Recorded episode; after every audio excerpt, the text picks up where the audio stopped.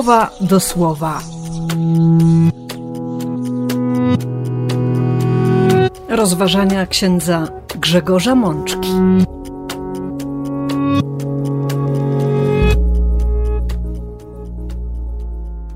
Druga niedziela wielkanocna, czyli Miłosierdzia Bożego, rok A.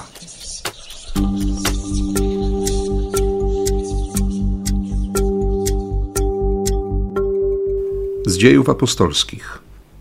Wszyscy, którzy uwierzyli, trzymali się razem i wszystko mieli wspólne.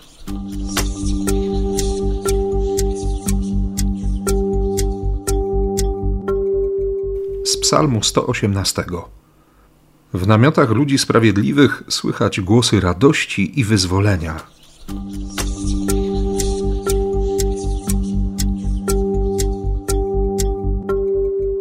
Z pierwszego listu świętego Piotra. Cieszcie się nim, choć teraz na krótko doznawać musicie smutku z powodu różnych doświadczeń.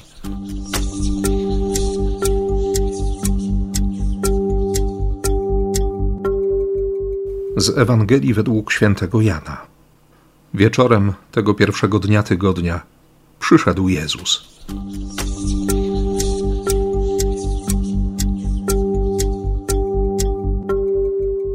Chrystus zmartwychwstał, siostry i bracia. Prawdziwie zmartwychwstał. Od tygodnia żyjemy tą prawdą. Przypominamy ją sobie, rozważamy, zastanawiamy się, modlimy się tą prawdą. Modlimy się zmartwychwstaniem Jezusa, odkrywając, jak bardzo Bóg ukochał człowieka, jak bardzo Bogu na nas zależy. Bo przecież jesteśmy ludźmi, którzy potrzebują tego zapewnienia o miłości My chcemy być upewniani, że Bogu zależy, że, że Bóg naprawdę jest Bogiem bliskim, jest, jest Bogiem, który, który nas szuka, który nas zbawia. Dlatego właśnie ten Bóg dziś, w ostatni dzień oktawy wielkanocnej, przypomina nam, że, że cała liturgia, że wszystko, co On objawił w Kościele, ma mówić o Jego miłosierdziu. Jest znakiem jego miłosierdzia. Miłosierdzie, czyli to nowe życie, zrodzenie na nowo, wciąż nowe szanse, nowe możliwości, nowy sposób patrzenia na rzeczywistość, na historię i na przyszłość. Miłosierdzie, czyli ta miłość Boga, która wywołuje czasami bezbrzeżne zdziwienie, bo, bo otwiera się na przebaczenie nawet tam, gdzie tego przebaczenia nikt nie chce. Taka jest potęga miłości Ojca, Syna i Ducha Świętego. I tą potęgą, która również objawia się przez czułość, przez troskę, chcemy się dziś ucieszyć. A Bóg w Kościele daje nam na tę niedzielę właśnie takie słowo, które prowokuje do radości. Najpierw ostatnie wersety drugiego rozdziału dziejów apostolskich. Początkiem tego rozdziału jest doświadczenie zesłania Ducha Świętego, kiedy ponad 120 osób w wieczerniku zostaje wypełnionych łaską tak bardzo, że, że muszą wyjść z tego miejsca, bo nie da się pomieścić w sobie tego błogosławieństwa, tego ognia. Odpowiedział na pierwsze kazanie Piotra, o czym słyszeliśmy w minionym tygodniu, jest trzy tysiące przekłutych serc rozdartych, rozerwanych serc na wzór serca Jezusa. Serc, które pytają, co możemy zrobić, co mamy robić. My chcemy, chcemy uwierzyć, chcemy przyjąć tę łaskę, chcemy przyjąć zbawienie. Piotr odpowiada prosto: zmieńcie myślenie i, i dajcie się ochrzcić. Przyjmijcie łaskę, przyjmijcie wolność. I ta wolność prowadzi do założenia pierwszej wspólnoty, do założenia Kościoła. Ta miłość zwołuje, ekleo, zwołuje ludzi, którzy chcą żyć razem, którzy chcą się uczyć Jezusa.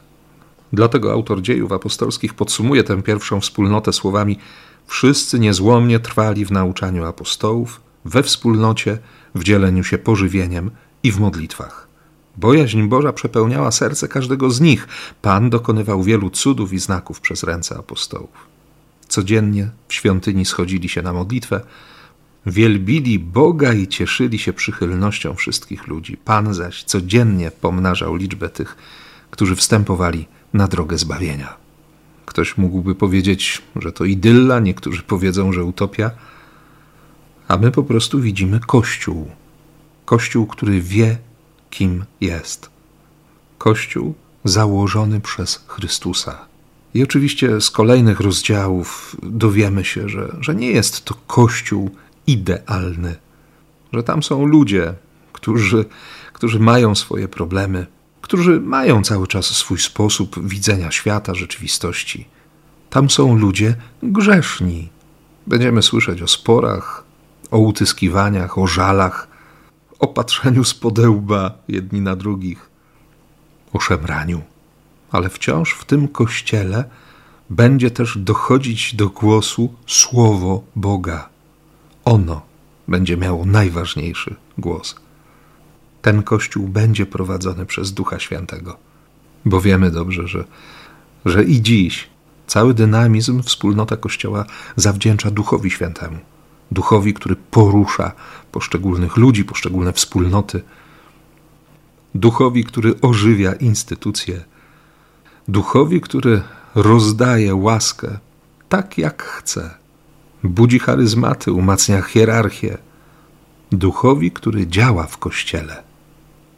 Dzięki temu duchowi ludzie, o których pisze autor dziejów apostolskich, trwali niezłomnie w nauczaniu apostołów, we wspólnocie, w dzieleniu się pożywieniem i w modlitwach.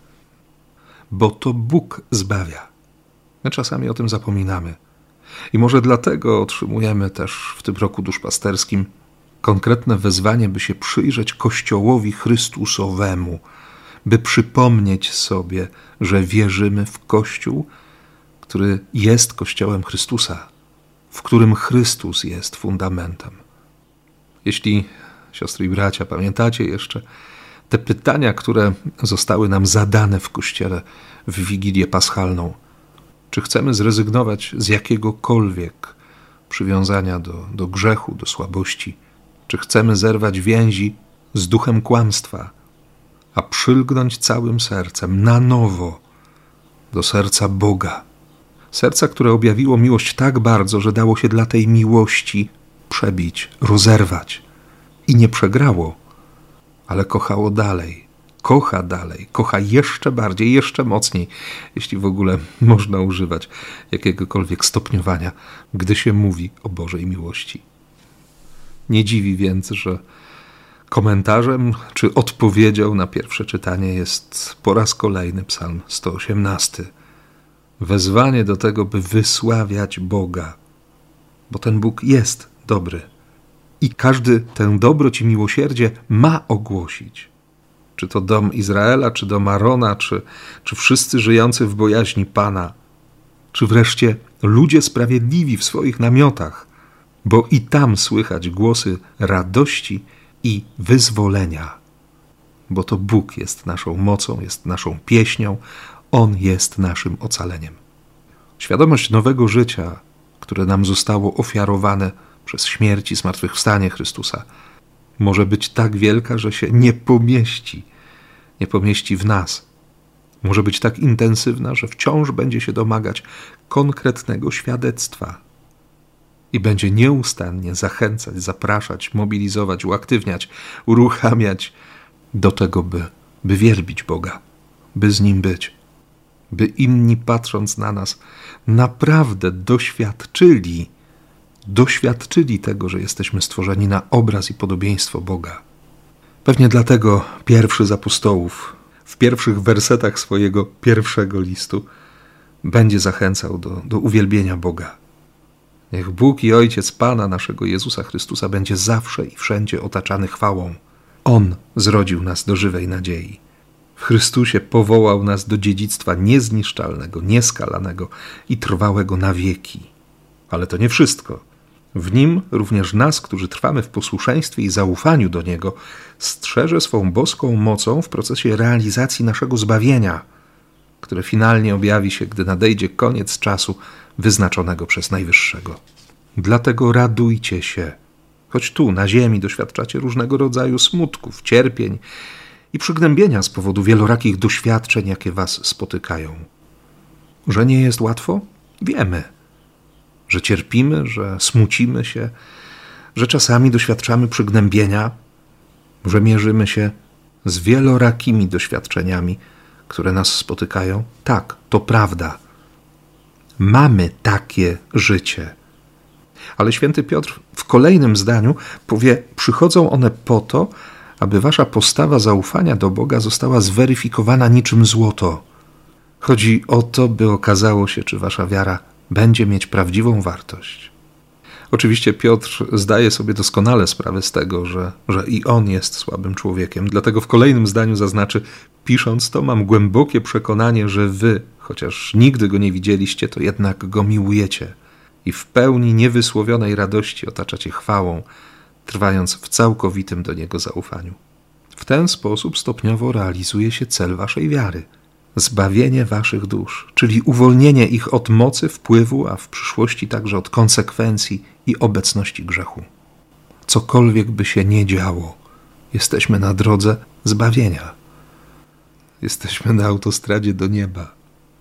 Nawet jeśli będą potknięcia, nawet jeśli pojawią się wyrwy w tej drodze, nawet jeśli na chwilę wybierzemy jakiś postój i zdecydujemy się na wybór zjazdu z tej autostrady do nieba.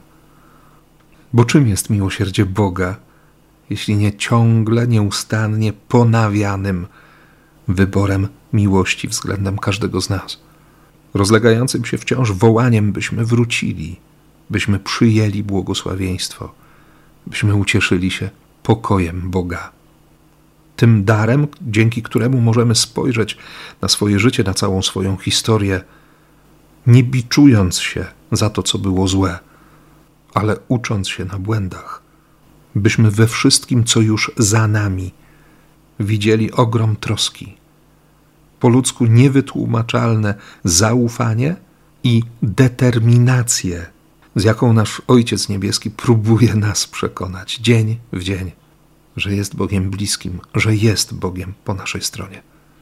Dlatego Jezus wieczorem tego pierwszego dnia tygodnia zjawia się tam, gdzie są zebrani uczniowie i choć z obawy przed religijną starszyzną i, i strażą świątynną trzymali drzwi zaryglowane, on staje pośrodku nich i wypowiada słowo pokój wam. A wiedząc, że, że słowo im jednak nie wystarczy, pokazuje także ręce i bok. I co ciekawe, ewangelista Jan zapisze, że właśnie w tym momencie oni otrzymują Ducha Świętego. I z tym zesłaniem Ducha Świętego jest związana również władza odpuszczania grzechów. Będą z niej skwapliwie korzystać, mając świadomość tego, co, co się wtedy właśnie wydarzyło. Ten, którego zdradzili, zaparli się, zrezygnowali. Ten, o którym pewnie pomyśleli sobie, że, że ich rozczarował. Ten, którego śmierć napełniła ich serca goryczą, nagle staje jako, jako zwycięski, jako zmartwychwstały, jako Bóg, który dotrzymał słowa. Przychodzi jako ten, który nie robi im wyrzutów, nie rozlicza ich, nie ma w nim cienia podejrzliwości, nie oskarża, nie wypomina, on ich wysyła. On daje im zadanie głoszenia Jego śmierci, Jego zmartwychwstania i wypełnia ich serce tęsknotą za powtórnym przyjściem. Choć jeszcze ta tęsknota jest w nich ukryta, bo przecież Go widzą, bo On jest z nimi. I pewnie z ogromnym przejęciem jeden przez drugiego opowiadali Tomaszowi, co się wtedy wydarzyło, właśnie w ten wieczór, kiedy go razem z nimi nie było. A Tomasz z drugiej strony, pełen rozmaitych wątpliwości, znajdujący argumenty na, na te wszystkie rewelacje, w końcu powie prosto: Jeśli na jego rękach nie zobaczę śladów po gwoździach i w miejsca te nie włożę swych palców, a dłoni mej nie włożę w jego rozpruty bok, nie uwierzę. Co musiało się stać w jego sercu i w jego głowie, kiedy, kiedy tydzień później Jezus stanął przed nim i powiedział: Wyciągnij tu swe palce, dotknij moich rąk. Podnieś swoją dłoń i włóż ją w mój bok. Ufaj mi. Wszystkie, wydawało się, niepodważalne argumenty prysły jak bańka mydlana. Wystarczyło spotkanie, w którym Tomasz nie doświadczył odrzucenia, nie był rozliczany. Usłyszał tylko: Ufaj mi, uwierz mi. Chcesz dotknąć? Zrób to, ale ufaj, uwierz. Jan Ewangelista zaznaczy, że, że wiele jeszcze było takich znaków, takich cudów, których nie ujął w swojej księdze. Warto dziś pomyśleć o tych wszystkich cudach, o znakach Bożego miłosierdzia, o tych wszystkich momentach, w których Bóg przez posługę Kościoła dźwignął nas z naszych grzechów, ofiarował nam nowe życie, zaprosił do tego, byśmy wierzyli, byśmy ufali, by się nam serce otwierało każdego dnia na przyjęcie łaski i na podzielenie się łaską. Warto o tym pomyśleć i dziękować raz jeszcze za, za niezgłębione i nieograniczone miłosierdzie Boga. A że jesteśmy Jego Kościołem, dajmy też znać całemu światu naszą codziennością o tym, że, że Bóg jest miłosierny, że Chrystus zmartwychwstał, prawdziwie zmartwychwstał. Amen. Alleluja.